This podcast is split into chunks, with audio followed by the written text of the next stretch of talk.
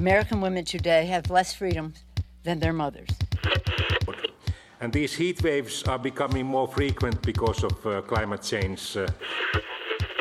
Inflation in the euro area is undesirably high, and this is a great challenge. Every image is a new discovery, and each will give humanity a view of the universe that we've never seen before. Кожен, хто має бойовий досвід і може приєднатися до оборони України, повинен негайно прибути до відповідних центрів комплектації. We have had wars with Russia, and we don't want that kind of future for ourselves, for our children. Hasta la vista, baby!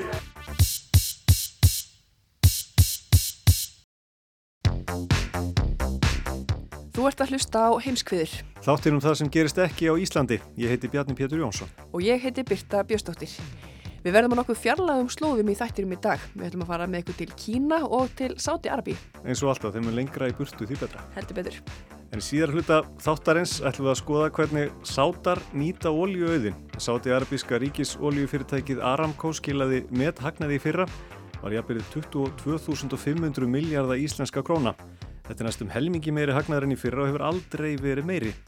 Eitt af því sem að sátar áforma að reysa er framtíðarborg, 170 km lang samfelt lína háhísa og skíakljúa. Það sem verða engar götur, engir bílar og alls 9 miljónir íbúa. Þetta er hluti af stóru verkefni Sáta Vision 2030, en ætti eiginlega að heita Vision 2040 eða 2050. Það þetta gengur miklu hægar en gert var áfyrir. Meira um það eins og þú sagði Bjarni Pétur í síðar hluta þáttarins, en við ætlum að byrja í Kína. Xi Jinping var nýlega sá fyrsti ára tugi til að vera kjörinn fórsett í Kína þriðja kjörtímabilið í rauð. Á valdatími sínum hefur hann hert tökinn heima fyrir en heimsókans til Rúslands í vikunni bendir til að hann ætli að láta enn frekar að sig hveða á alþjóðavettvangi. En hvert ætlar Xi Jinping með þetta fjölmennastir ríki heims? Hallgrimur Indriðarsson skoða það með hjálp Helga Steinar Gunnlaugssonar en hann er sérfræðingur um málefni Kína.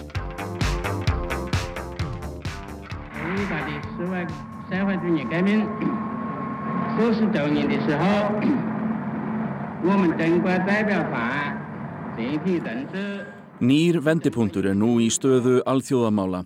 Það blása tveir vindar í dag, að austan og að vestan. Ég tel að nú séu austanvindarnir að ná yfirhöndinni. Þetta saði Mao Zedong, þáverandi leðtögi Kína, þegar hann heimsótti Moskvu árið 1957. Mao sagði í sömu heimsók að ef til kjarnorkustríðs kæmi og helmingur mannkins þurkaðist út, yrði heimsvaldastefnan jöfnuð við jörðu og heimsbyðin öll yrði sósialistar. Xi Jinping fórseti Kína hefur líka í ræðum sínum haldið því fram að austrið sé að hafa betur í baráttunni við vestrið. Um meðjan þennan mánuð var Xi endurkjörin leðtogi kommunistaflokksins og þar með fórseti Kína í þriðja sinn og fetaði þar í fótspór fyrir nefns Maos.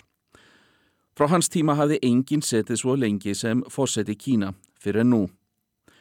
Í lokaræðu þingsins sagði Xi meðal annars að Kína hefði verið niðurlægt í 5.000 ár en þegar kommunistaflokkurinn var stopnaður hefði landið smámsaman náð vopnum sínum.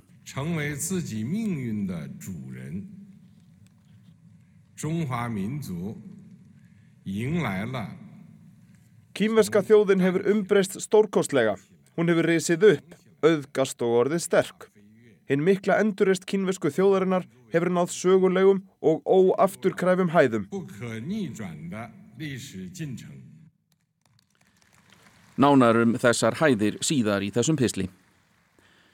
Sí hefur ekki gengið jafn langt og Mao í að lýsa jákvæðum afleiðingum stríðs. Þert á móti hefur hann viljað láta líta á sig sem mann friðar. Og undir því yfirbræði fór hann í heimsók til Mosku að hitta Vladimir Putin fórseta Rúslands í byrjun vikunar.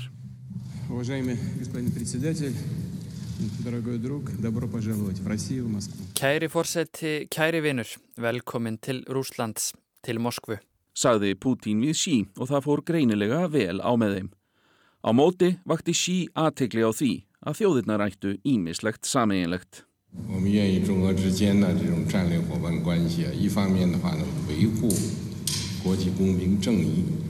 Við vonum að samband Kína og Rúslands einkennist annars vegar af alþjóðleiri sangirni og réttlæti og hins vegar því að auka hagsælt begja landa.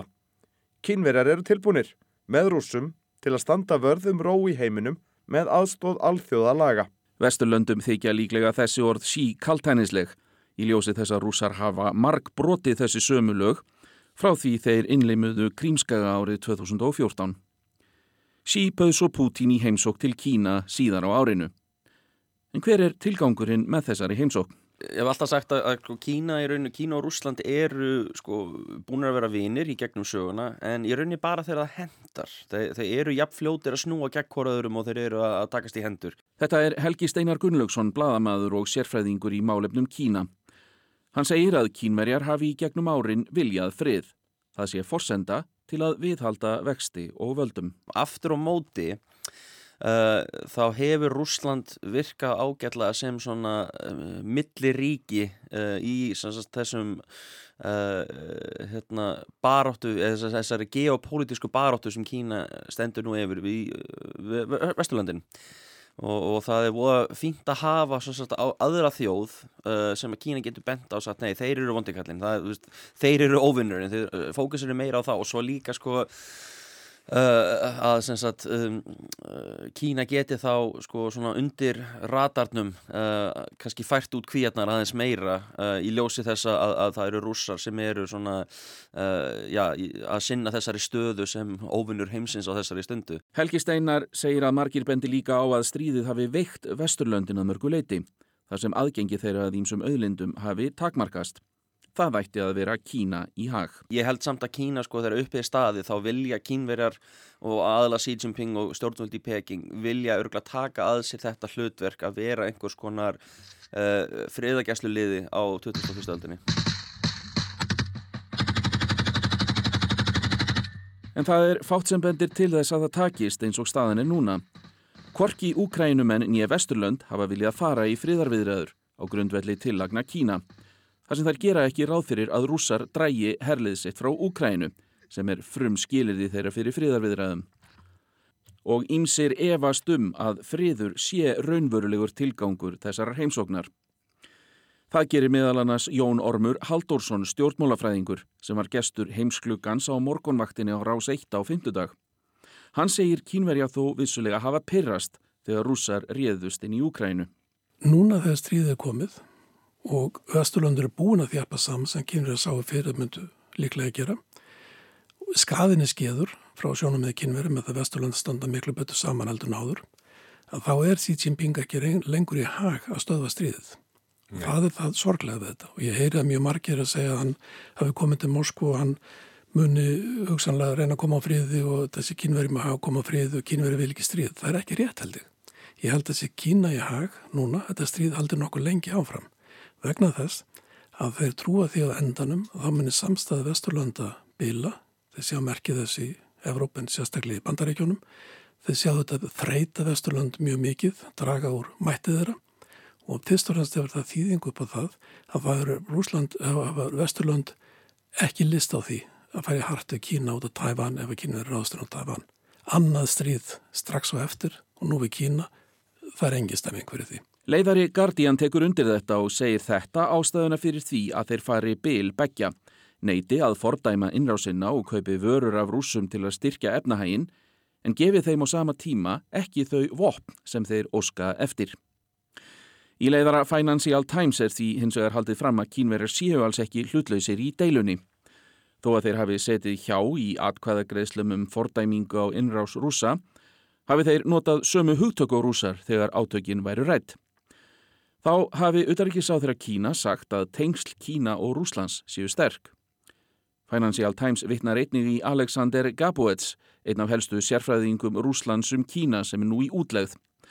Hann segir að ferðin snúist í raunum að styrkja tengsl við rúsa til hagspóta fyrir Kína, ekki um að ná fram fríðarsamningum. Og Jón Ormur segir það líka vilja kínverja að halda Vladimir Putin við völd sem lengst. Helgi segir að það að ekki sé gert að ráð fyrir að rúsar yfirgefi Úkrænu í telugum kínverja kyndi undir þær skoðanir að þeir séu ekki hlutleysir í þessum átökum. En á það þurfi að líta að kínverjar hafi flutt töluvert inn frá Úkrænu fyrir stríðið. Þeir reyða sér náttúrulega voða mikið á sko, kortframleyslu Úkrænu, uh, þau þurfa á Úkrænu að halda. Ég held að sko Uh, þeir vilja, það er líka önnur ástæð fyrir þeir vilja ekki styðja Rúsland ofinberlega, það er náttúrulega ekki bara út á trúverðuleika þeirra á heimsvísu og, og, og allt það, ég held að sé bara vegna þess að, að veist, þetta stríð er að fara, uh, þessu stríð er að fara að ljúka einn daginn. Og ef að, að kýmverar eh, fara rosalega hart í það að styðja Rúsland þá ef að Rúsland tapar og Rúsland þarf að yfirgefa Úkræni þá er erfitt fyrir kýmverar að koma aftur og segja hæ Úkræna, herru, hérna, mannstu hérna, getur við ekki komið aftur og byrjað að vera vinn nei, það er ekkert að fara að ganga. Þannig að uh, ég held að þeir séu bara að reyna að finna einhvers konar lausn sem lætu þá líta vel út uh, ef þeir væru virkilega að reyna að stilla til fríðar þá hefðu þeir bóðið til dæmis uh, sagt, fund bæði með úkrænumunum og rúsum. Þetta er eitt af stæstu merkjum þess að Kína ætlar að láta meira að sér hveða alþjóðlega og þau merki eru fleiri. Fyrir milligöngu þeirra tókst til dæmis að koma á stjórnmálasambandi millir Írans og Sáti Arabíu, nokkuð sem kínverjar hafa líst sem áfanga í að minka völd bandaríkjana í miðausturlöndum. Stefna Xi í utaríkismálum hefur verið að berjast gegn því sem hann hefur talið vera viðleitni bandaríkjamanna til að halda aftur af Kína. Og til að einangrast ekki frá Vösturlöndum er mikilvægt fyrir Kína að vera í tengslum við Rúsland. Og fyrir rúsa hefur þetta aukna efnahagslega samstarf einnig verið mikilvægt þegar Evrópa beitir þá viðskiptaþingunum. Á sama tíma er allt gert í Kína til að útmála bandaríkjumenn þannig að þeir sundri heiminum frekar en að samina hann og að þeir vilji aðeins venda sín eigin völd. Bandaríkin eru í raun þeirra helsti anstæðingur. Einhverjar vonir vöknuðu um þýðu í samskiptum þeirra þegar fósettar þjóðana hittust á G20 fundinum í november. En þær vonir fugu út í veður og vind þegar kínveskur njósnaloftbelgur uppgötvaðist yfir bandaríkjónum í februar og var skotið niður. Intelligence officials have called the Chinese craft a surveillance balloon while those in the Chinese government claim it was a weather monitoring vessel. Bandaríkjaman sögðu þetta njósnaloftbelg meðan kínverjar heldur fram að þetta væri veðuratugunarbelgur sem hefði vilst af leið. Rúsar hafa frá lokum kaldastriðsins verið mikilvægir bandamenn kínverja. Til dæmis voru yfir 80% af þeim vopnum sem flutt voru inn til Kína á árunum 2017 til 2021 frá Rúslandi og þessar þjóðir eiga það saminlegt að líta á bandaríkin sem sinn höfuð anstæðing. En áður en við skoðum alþjóðleg umsveif nánar, skulum við snúa okkur að fósettanum sjálfum sem hefur verið við völd frá árinu 2012. Hann er í rauninni bara nútíma útgafa má. Það, sko, þegar hann tekur við af húsinn táana 2012 þá er ákveðin samhljómur í, bara heiminum um það að Xi Jinping væri svona, svona uh, nýr leiðtói fyrir sko Kína. Þá, sko Vesturlundin höfðu alltaf vonast til að Kína, þeir alltaf vissu það að Kína myndi aldrei vera svona líðræðisríkja en eitt svo leiðis. En þeir hugsa alltaf með sér að Kína geti verið svona kannski stærri útgáfa af Singapore. Uh, eins og einhver orðaða hérna Disneyland með döðarafsinguna.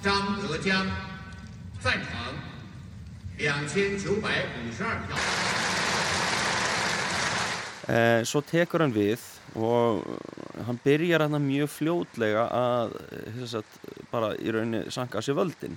Uh, það sem eitt sem hafi verið sko, hérna, sem að kýmverðarnir voru rosalega ósáttir með á þessum tíma var spilling, það voru rosalega mikið spillingavandamál þannig að hann kemur hérna inn eins og kúriki í kúrikabíómynd og segir ég ætla, ég ætla að hreinsa upp þennan bæ hérna, ég ætla að losa okkur við þessa spillingu. En það sem hann gerir er hann notar þessa afsökun og ferir henni aðeins gegn þeim sem voru sem sagt á mótonum við höldum það að Kína er bara um eitt flokk en það eru 100 miljón manns inn í þessum flokk Þannig að þú veist, þú getur fundið allt frá Stengurmi og Seifhúsinni upp í Bjarnabén innan við kýmverska kommunistaflokksins. Helgi Steinar segir sí hafa ráðist gegn klíkum sem voru ekki með honum í liði af fullum þunga. Það, bara, það verður bara meir og meir og meir. Hann tekur að sér völdin, hann, hann, hann uh, egnar sér í rauninni uh, herin, uh, hann sagt, rekur hann einhverja hersöðingja og segir nei, ég er leiðtói hersins og, og, og, og svo bara meir og meir og meir og ég held að bara eftir 2015-16 þá er það bara komið uh, að þeim tímapunkti að hann sér fram á það, hann er búin að mynda sér einhver svona persónuleika uh, hvað maður að segja, kolt uh, hann er búin að mynda sér einhvern svona sértrúasöfnuð í kringum sjálfan sig og, og hann bara dætt í sömu grifi og Vladimir Putin sem er að hann bara umkringdi sig svona jámönnum og, og sannfærdi sjálfan sig um það að hann væri bara bjargvætturum fyrir Kína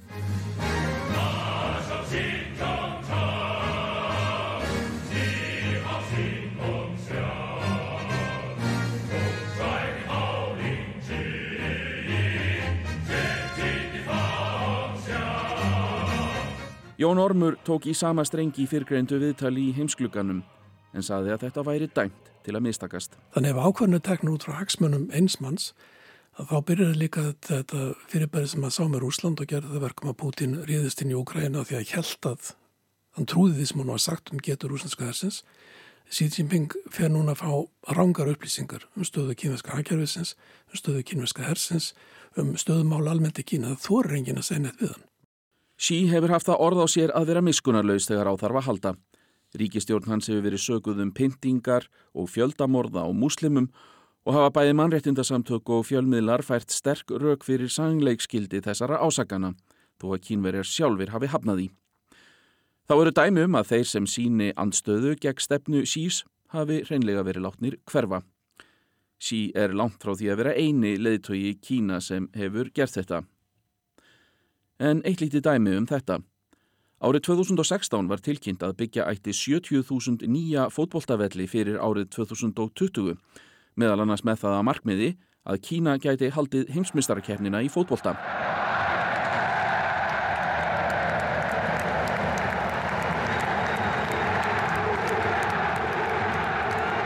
Árið 2021 var aðeins búið að byggja 27.000 af þessum 70.000 völlum. Þetta skýrist bæði af minkandi áhuga stjórnvalda og spillingu. Í þeirri spillingaransókn hafa nokkrir framámenn í kínveskum fótbolta horfið. Þar á meðal Li Ti, fyrverandi leikmaður Everton í ennsku úrvarsteildinni sem gengt hefur starfi landslýsjálfara og Shen Shuang formaður knaspirnu sambands Kína sem er í haldi yfirvalda. Sumir sérfræðingar vilja meina að handtaka þeirra sé pólitísk. Þrátt fyrir þessar aðfarir stjórnvalda, eða kannski að hluta til vegna þeirra, hafa kínverið frekar lítið verið að mótmæla stjórnvöldum. Nýleg dæmi eru mótmæli í Hong Kong 2019 gegn ákverðunum stjórnvalda þar og svo gegn ofhörðum sóttvarnaraðgerðum í vetur, en þau beindust meira gegn héraðstjórnum en ríkistjórn Kína.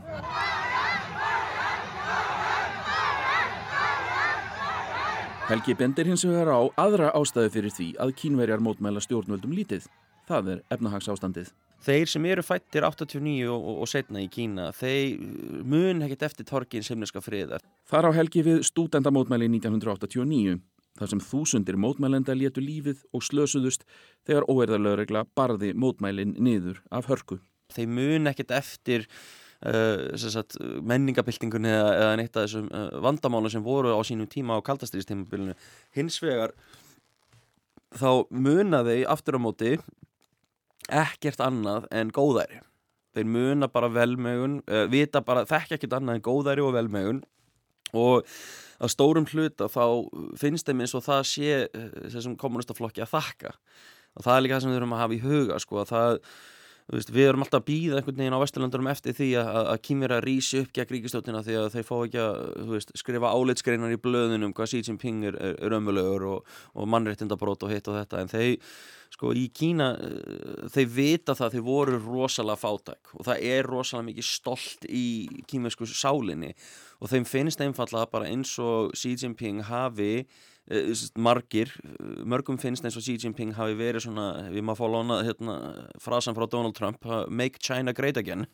Að þeir hafi svona einhvern veginn komið á þann stað að nú eru þeir að sína Vesturlandunum í tvo heimana að nú eru við ríkir, nú eru við sterkir uh, nú fáið þið ekki lengur að, að, að hérna, segja, að skipa okkur fyrir uh, þannig að það er rosalega mikið sem hann, hann er með miklu meiri stöðning uh, hvað varðar uh, viðveru í völdum heldur en hérna, anstæðu. Og þar komum við að efnahagsmálunum og þeim mikla hagvexti sem hefur verið í Kína. Honum getur Kína ekki viðhaldið nema í viðskiptum við aðrar þjóðir. Það er ekkert leindamála að við erum í kaldastriði núna. Við erum í nýju kaldastriði en sko munun á þessu kaldastriði og uh, hennu fyrra gegn Sovjetríkjum er að það var ekkert, Evrópabúar og bandarækjumenn voru ekkert að fjárfesta í stóru mæli í Sovjetríkjunum.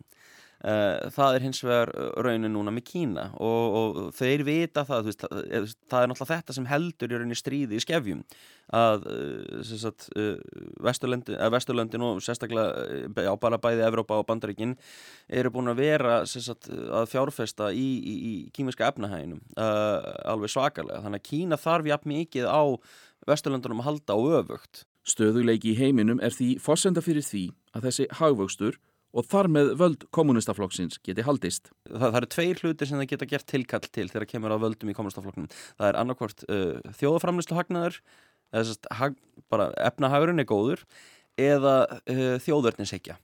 Og þegar eitt hrinur þá þarf að lifta hinu upp til þess að, að bæta upp fyrir uh, tapið. Þannig að, að sagt, ef að Kína næri ekki að viðhalda þessum haggróða hana, þá eru þeir komnir í ákveðna pattstuðu, þá eru þeir komnir ákveðin stað þar sem að kímerski almenningu getur sagt ok, hva, til hvers þörfuð þá ykkur?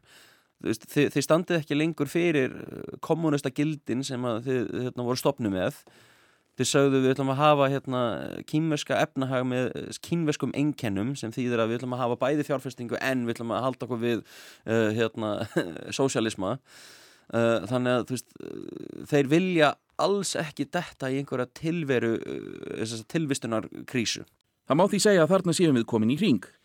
Ástandið í heiminum skiptir sem sagt miklu máli fyrir efnahag Kína. Helgi segir það einkennandi að Evrópa og Kína þurfi að vera í svo miklu viðskiptarsambandi. Þetta er eitthvað nýtt, þetta er ný stað þar sem að sko önnur þjóður að rýsa upp og, og skorar á heimsveldin í sjálfu sér uh, en þeir þurfa á þeim að halda. Þannig að uh, ég held að sko, að, sko kýmur að við höldum alltaf að Kína sé með einhverja svona 100 ára áætlun og eitthvað, ég held að þeir séu alveg jafn Sko, ég held að þessar samræði sem ég og þú er eiga hérna núna eru alveg eiga sér stað í Kína líka þar sem einhverju kímiski sérfræðingar er að reyna að skilja uppi og niðri á, á, á Vesturlandunum og, og hvað er að fara að gerast á að því að þetta er alveg jafn nýtt fyrir þá og er fyrir okkur og, og hérna, við skulum ekki gera þeim í ystök að halda það að, að Kína sé einhver, einhverju vondikallin í James Bond mynd sem er með einhverja svona illa hérna, með einhverja illa áætlun fyrir restina heiminum, ég held að þeir séu líka alveg jafn óörugir og við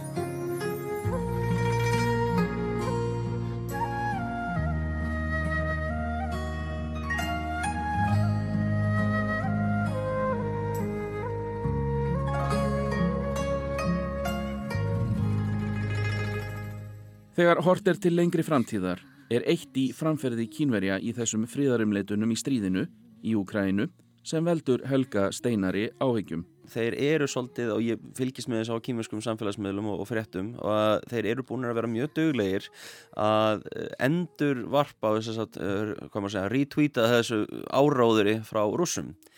Uh, sem er að rússar neittust til þess að ráðast inn í Úkrænu vegna þess að Vesturlöndin og Bandaríkin voru allir svo dögulegir stiðið við Úkrænu þannig að rússar, þeim, þeim var svona málað út í hotn og hefðu engar, engar aðra, hérna, annan val held, ekkert annan val heldur en að ráðast inn í Úkrænu ef þeir ná að stilla því þannig upp þá er rosalega auðvilt fyrir þá að snúa við og segja sama um Tævan við neittumst til að ráðast inn í Tæfan vegna þess að bandarækinn á Vesturlandi voru svo mikið að stiðja við bakið á Tæfan. Og það er nákvæmlega það sem hann hefur áhyggjur af. Afleðinguna af því að Xi vilja halda völdum og skapa sér arleið. Ég ætla að vera gægin sem að tók aftur Tæfan fyrir eh, Kína. Ég ætla að vera hérna, maðurinn sem að sem sagt, frelsaði Tæfan í hans augum og, og það er það sem ég hef áhyggjur á að, að eins og ég segi þegar hann tekur við þetta 2012 þá gefur ekki, það er ekkert sem gaf til kynna að hann væri þessi valdabrjálaðingur og hann er núna. Þannig að ef þetta verður bara veist, ef, vald, ef hann verður bara meira og meira fullur á valdagræðiki þá uh, gæti það vel verið að uh, 2025-2027 uh, að við séum að horfa fram á, á innrás í Tæfan Slíkt stríð gæti hins vegar reynst dýrkeift Tæfan myndi til að mynda að veita mótstöðu þar sem viðbröð stjórnvalda í Hong Kong hafi aukið tortrygnin Tæfana í gard kínverja. Og fleira kemur til. Tæfan er með svipar landslag og Noregur þannig að þú veist við erum að tala um mjög fjallótt svæði. Uh, það er því mjög auðvelt fyrir Tæfan eða að það er erfitt fyrir Kína að forðast einhvers konar uh, segja, skærulega vörnum og, og, og svona. Þannig að þetta er, er mjög erfitt fyrir það bara hernaðlega sig að taka eiguna og, og það er ekki minnst á heldur þá bara orðsporið þeirra. Þeir færu bara í útlegð í, á restina heiminum.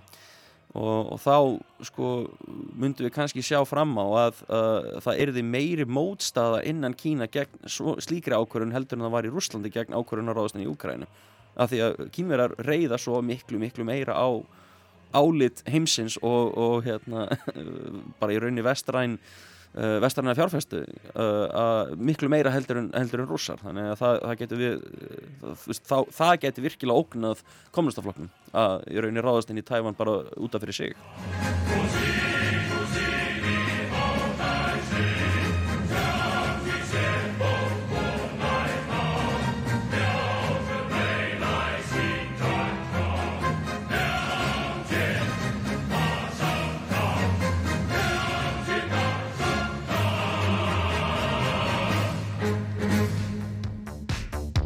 Næsta ætlum við til Sáti Arabíu, beint á móti Sjarmel Sheikh í Egiptalandi þar sem þjóðarleðtúar hittust á síðustu lostasrástefnu saminuðu þjóðana ætla sátar að kynna til leiks eina af sínum lausnum í loslasmálum. Það er ímislegt hægt að gera fyrir peninga, þarna í norðvestulhutta Sáti Arabíu, við ströndina sem liggur að Rauðahafinu og Akabaflóa, ætla sátar að reysa risastóra framtíðarvin í eld heitri eðimörkinni. Línan, hjarta framtíða snjallborgarna Neom á að rýsa þar á næstu áratugum, þar segja ef allt gengur sakot áallun. Sunna Valgeradóttir tekur nú við en hún leita á framtíðar áform ólíu þjóðarinnar miklu.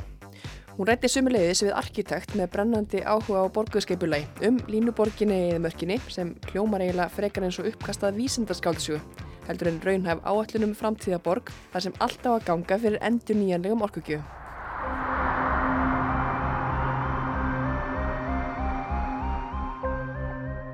For too long, humanity has existed within dysfunctional and polluted cities that ignore nature. Now, a revolution in civilization is taking place. Mannkinnið hefur lifað of lengi innan veggja mengandi og eidileggjandi stórborga sem láta eins og náttúran sé ekki til. En samfélagsbylting er í nánd. Ímyndaði þér hefðbundna borg, án kólefnisfótspors, algjörlega kólefnis hlutlausa borg sem er hönnuð í fullkomnum samhljóm við náttúruna, ekki bara til að lifa með henni, heldur til að vernda hana og vernda íbúa hennar. Línan mun einungis þekja um 34 ferkilometra sem döga þó til að hýsa 9 miljón íbúa. Borgin er sérstaklega hönnuð til að veita betri, heilbriðari og sjálfbærari lífskeiði en áður hefur þekst á jörðinni. Snjall lausnir verða í fararbrotti og loftslægi, byrtu og súrefnismettun er stjórnað af nákvæmni allan ársins hring. The line, the city that delivers new wonders for the world.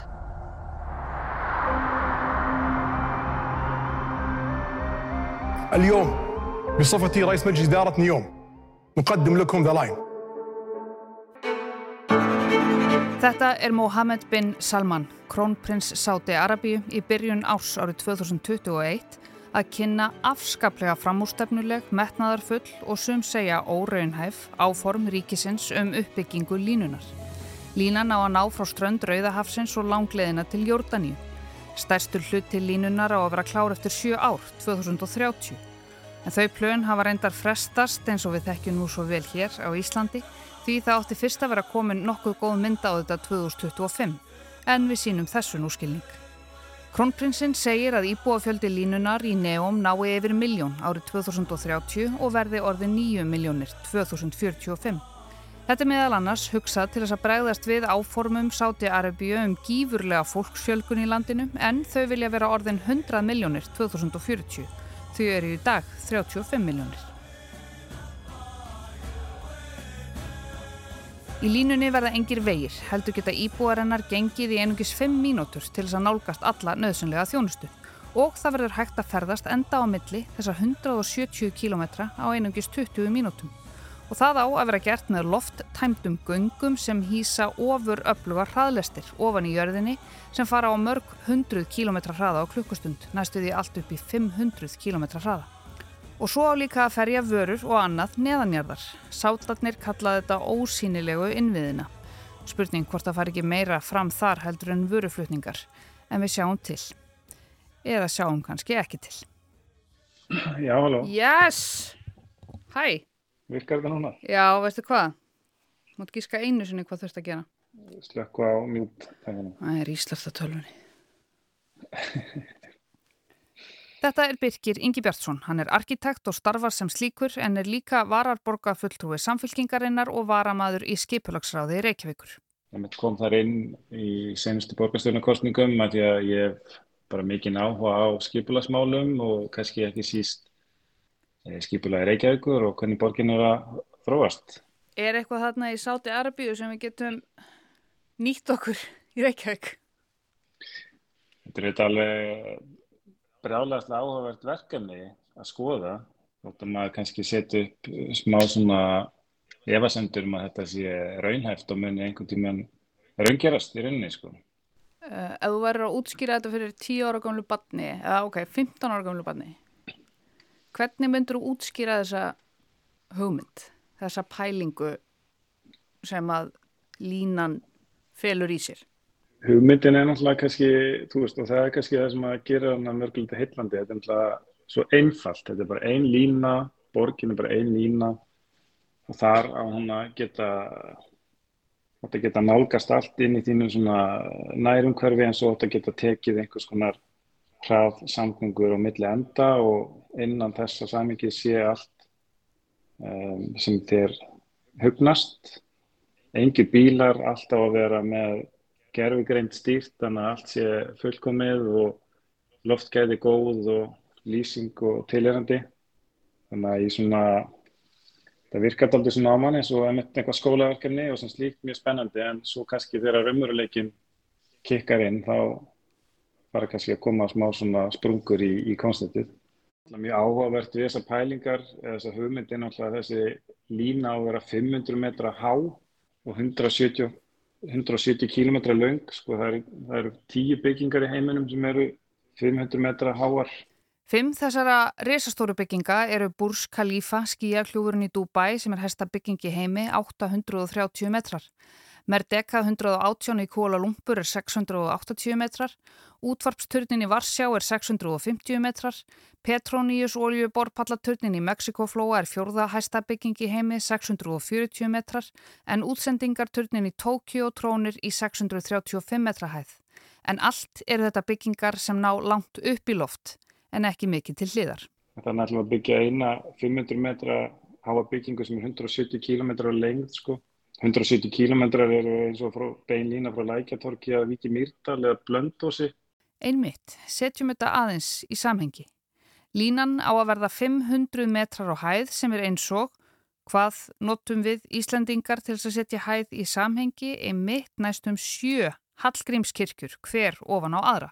Nú eða bara næstu í jafnhátt og fjallið sem enginn þekkti fyrir tveimur árum en allir þekkja núna Faradalsfjall, það er tæpir 400 metrar. Smællum einni Hallgrímskirkju ofan á Faradalsfjall og þá eru við eiginlega komið með hæðina á línunni. Einfalt, þjóðlegt og myndrænt. Allavega, 500 metrar á hæð, 170 kilometrar á lengd eins og Birkir benti á frá Lækjartorki að Blöndósi eða að Vík. Langt, en bara 200 metrar á breytt. Og það er eins og frá Lækjartorki að Alþingishúsinu. Það er ekki langt og þetta á að þekja 34 ferkilometra.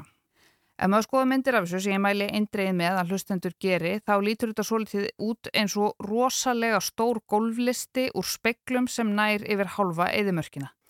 En við skulum láta þessum samhengisæfingum mínum nú lokið. Ung kona situr frekar buguð á tröppum, skítugrar og mengaðra stórborgar. Það eru sírenur allt í kringum hana og fólkið er daburt. En svo sér hún allt í einu eitthvað, ljós. Hún hleypur af stað og stekkur. Og þar tekur sólinn á mót henni, paradís. Hún svífur um í þingdarleysi innan um gróður, risa stórar byggingar og hamingjusamt fólk.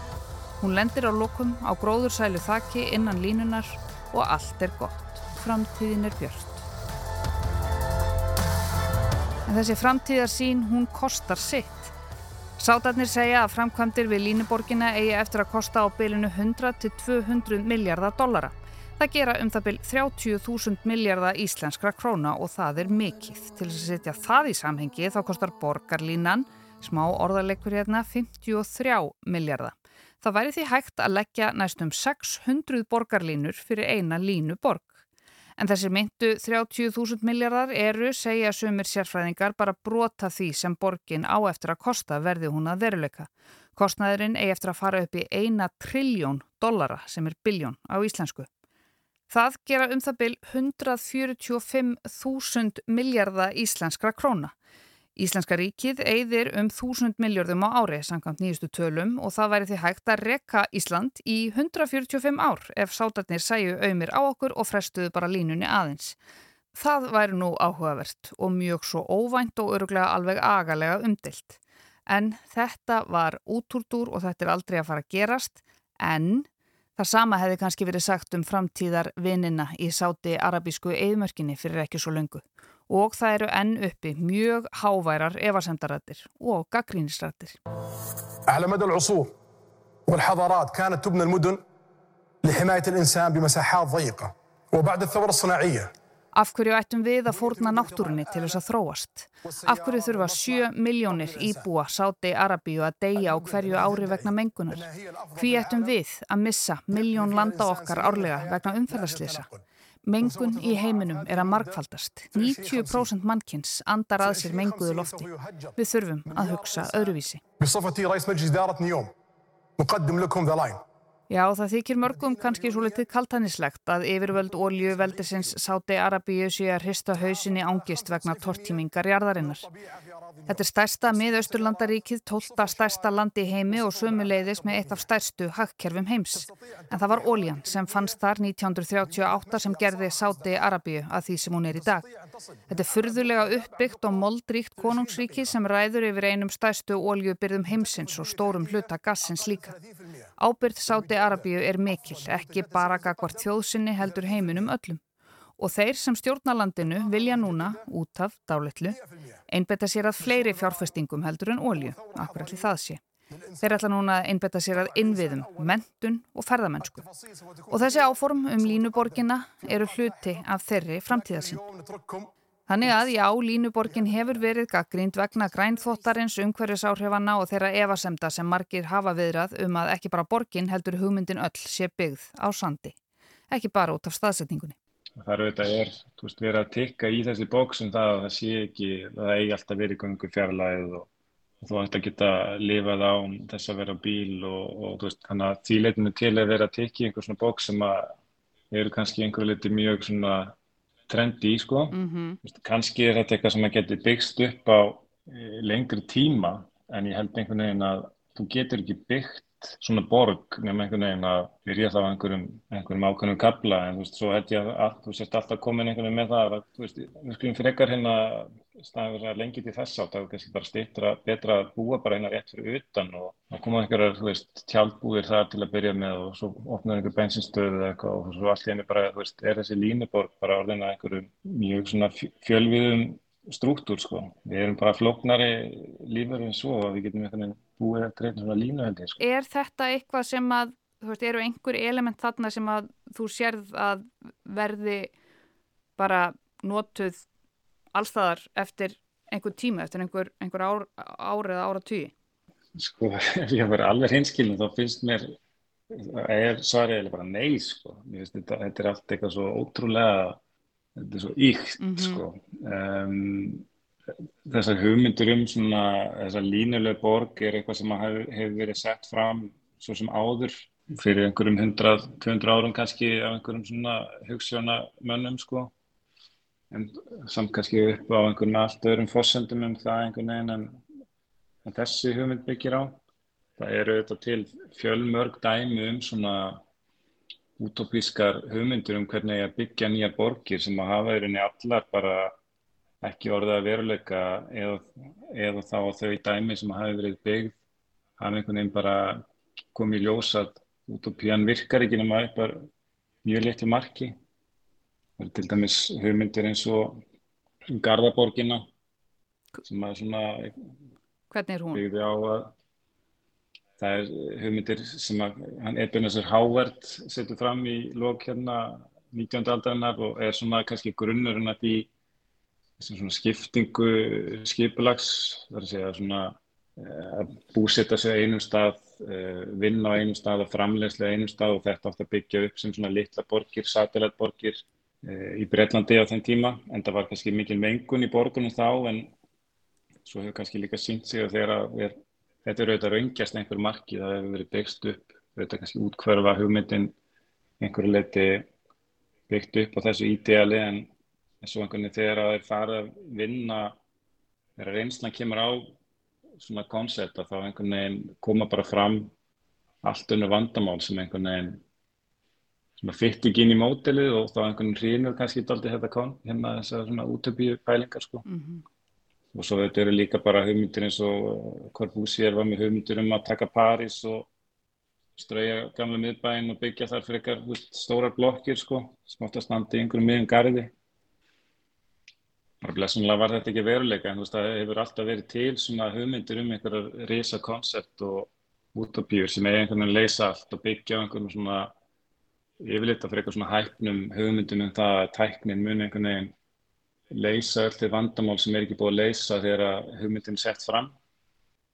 En svo bara, þú veist, erum við hérna hundra árum setna og það verður bara að hjóla og ganga í vinnuna og efla almenningssangur sem er það nátt besta til að skapa gott umhverfið sko. Allt því sem að fyrir einhvern veginn dýpra vonið þetta þá er einhvern veginn skilmarki hvernig þetta á einhvern veginn að ganga upp sko. Arkitektinn og skipulagsfræðingurinn íslenski Birkir Ingi Bjartsson verðist ekki hafa sömu sín á framtíðina á krónprins Sáti Arabíu. Annar segir að við þurfum bara að hjóla og lappa meira í vinnuna. Hinn sér fyrir sér fljúandi konur í kólefnis hlutlausu snjall samfélagi. Annar vill borgarlínu, hinn vill línuborg.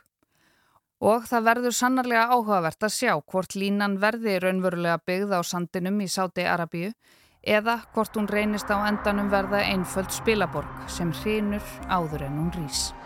The line, the city that delivers new wonders for the world.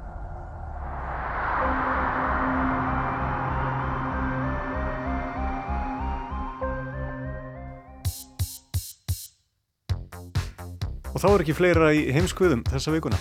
Við verðum hér að sjálfsögða á sama tíma í næstu viku. Takk fyrir að hlusta.